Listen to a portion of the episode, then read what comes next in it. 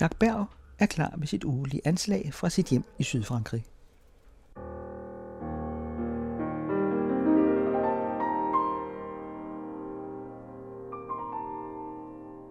Anslag midt i en coronatid. I den sanitære indespærings Frankrig er det stadig på telefonen, at forfatteren og journalisten Jacques Berg læser egne tekster om verdens gang set fra Lyberon i Sydfrankrig, hvor han har boet i årtier. I denne uge er det historier, udfald og meninger fra Notesbogen 2015 til 2017.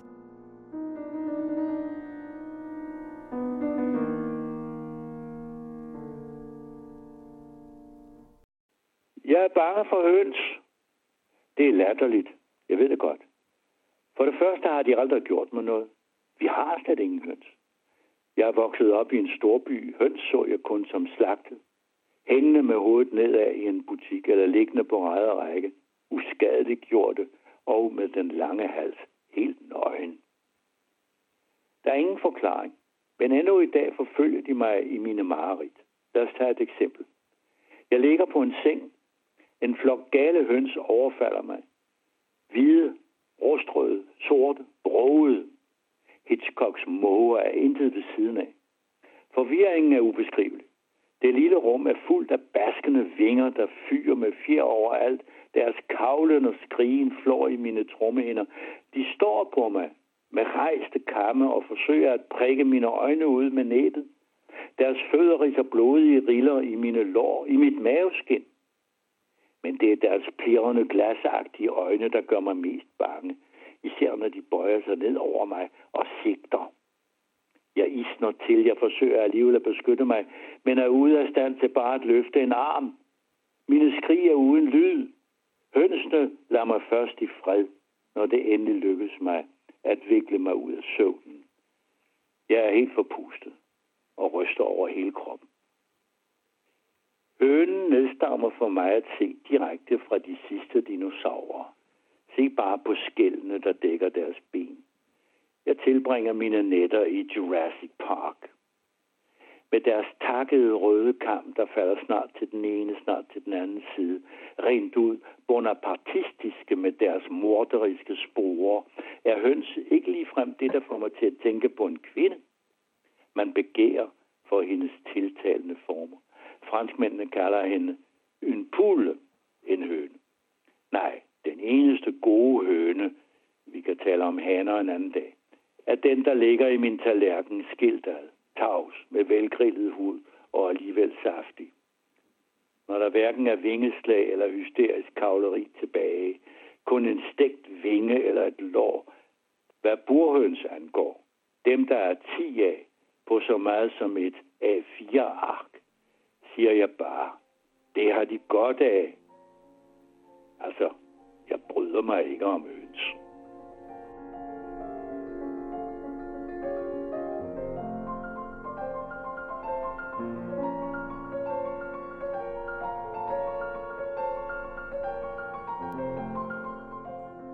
Trump, navnet lyder som et brand. Det er et brand. Han har for længst frigjort sig fra real estate-forretningerne, som han fik i arv. Han har solgt alt. Skyskraber, spillekasinoer, golfbaner, koner, for udelukkende at eje navnet Trump, der står i store guldbogstaver på alle facaderne. Også hans sidste kones. Køberne af hans ejendom driver forretning og nyder godt af den reklame, der endnu er forbundet med brandet Trump. Han på sin side nøjes med at indkassere afgifterne og ellers forblive passiv, endelig passiv på markedet.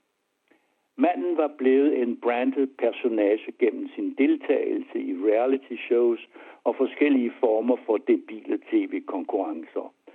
Så beslutter denne personage, at han vil være USA's præsident. Bare for sjov, for en forandrings skyld, for at vise, at der endnu er liv i ham. Det betød i hans tilfælde, at han lejede et stort hvidmalet hus, gratis, nummer 1600 på Pennsylvania Ave, Washington D.C.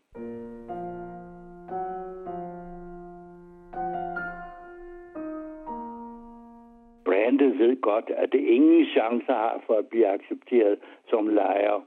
Men en præsidentkampagne er lang og giver kandidaten en del gratis omtale i medierne. Ingen form for business ville nogensinde kunne tilbyde en lignende plads i radio og tv.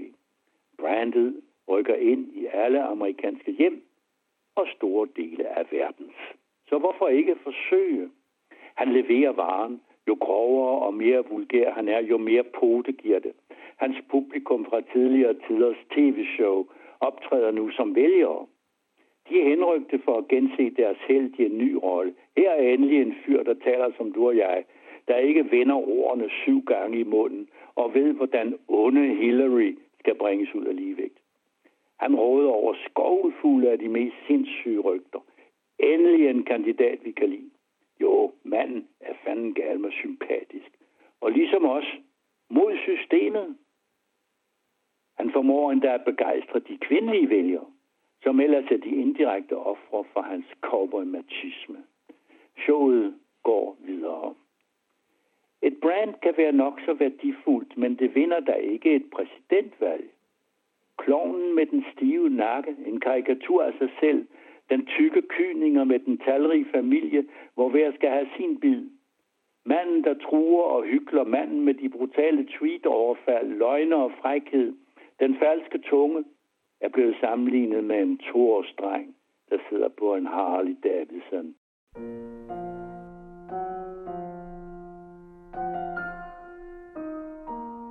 Efter de første tre måneder, hvor alle har skulle vende sig til at udtale ordet præsident fuldt af brandet, er det indlysende, at fænomenet er ude af stand til at styre de forenede stater. Brandet er i færd med at blive opslugt i en blanding af kedsomhed og en givet fanden havde det følelse. Hvad pokker, sidder jeg nu i det ovale rum? Hvad skal jeg her? Jorden drejer ikke længere, som den skal. Lad mig hellere komme af. Brandet er forvirret, siger man, deprimeret. Det har været for meget. Kongressen, ministerne, medarbejderne, pressen, offentligheden vender ham ryggen. Nogen åbenlyst, de fleste bag hans ryg. Det vil tage lidt tid, men en dag genfinder brandet sin frihed. USA og vi andre samtidig.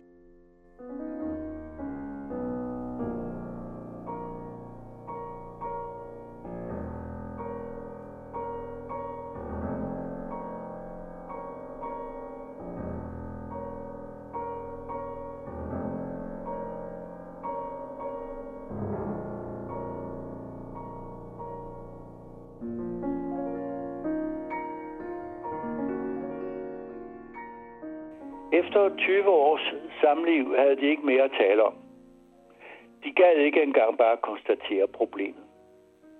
Men dette ikke mere var så alligevel og samtidig kirkegårds intet, eller det sokratiske underskrevet Platon, nemlig et alt, der omfatter nogle af tilværelsens trods alt ret væsentlige sider, såsom livet og døden, skæbnen, troen, risikoen, samværet, ja, øh, endnu kærligheden.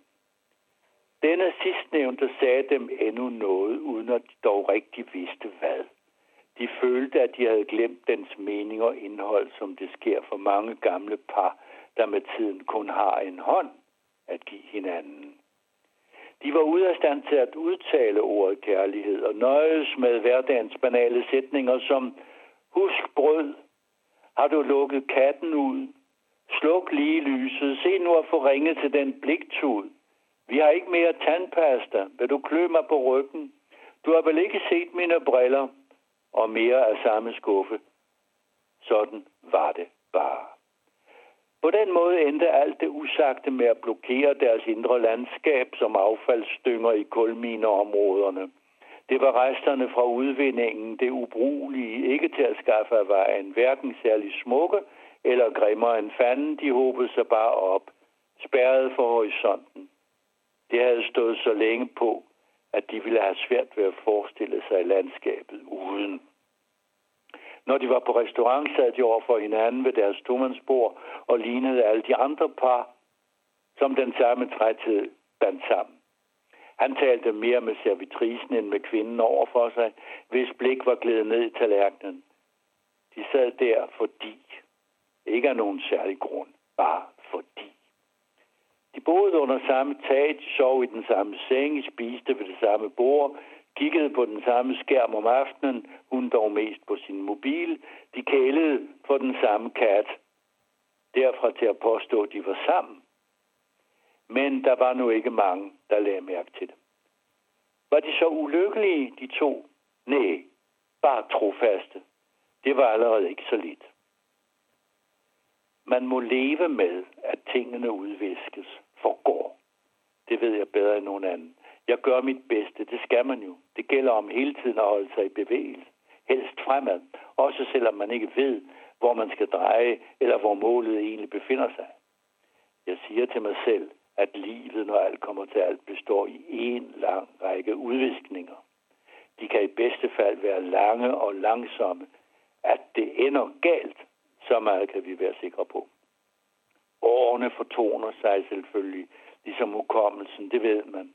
Ligesom en velopdragen person virer til side for mig på fortoget. Og forresten, at bevæge sig fremad, er det ikke bare en anden måde at sige udviske på. Alt er skrevet i sand. Alle blade ender som jord.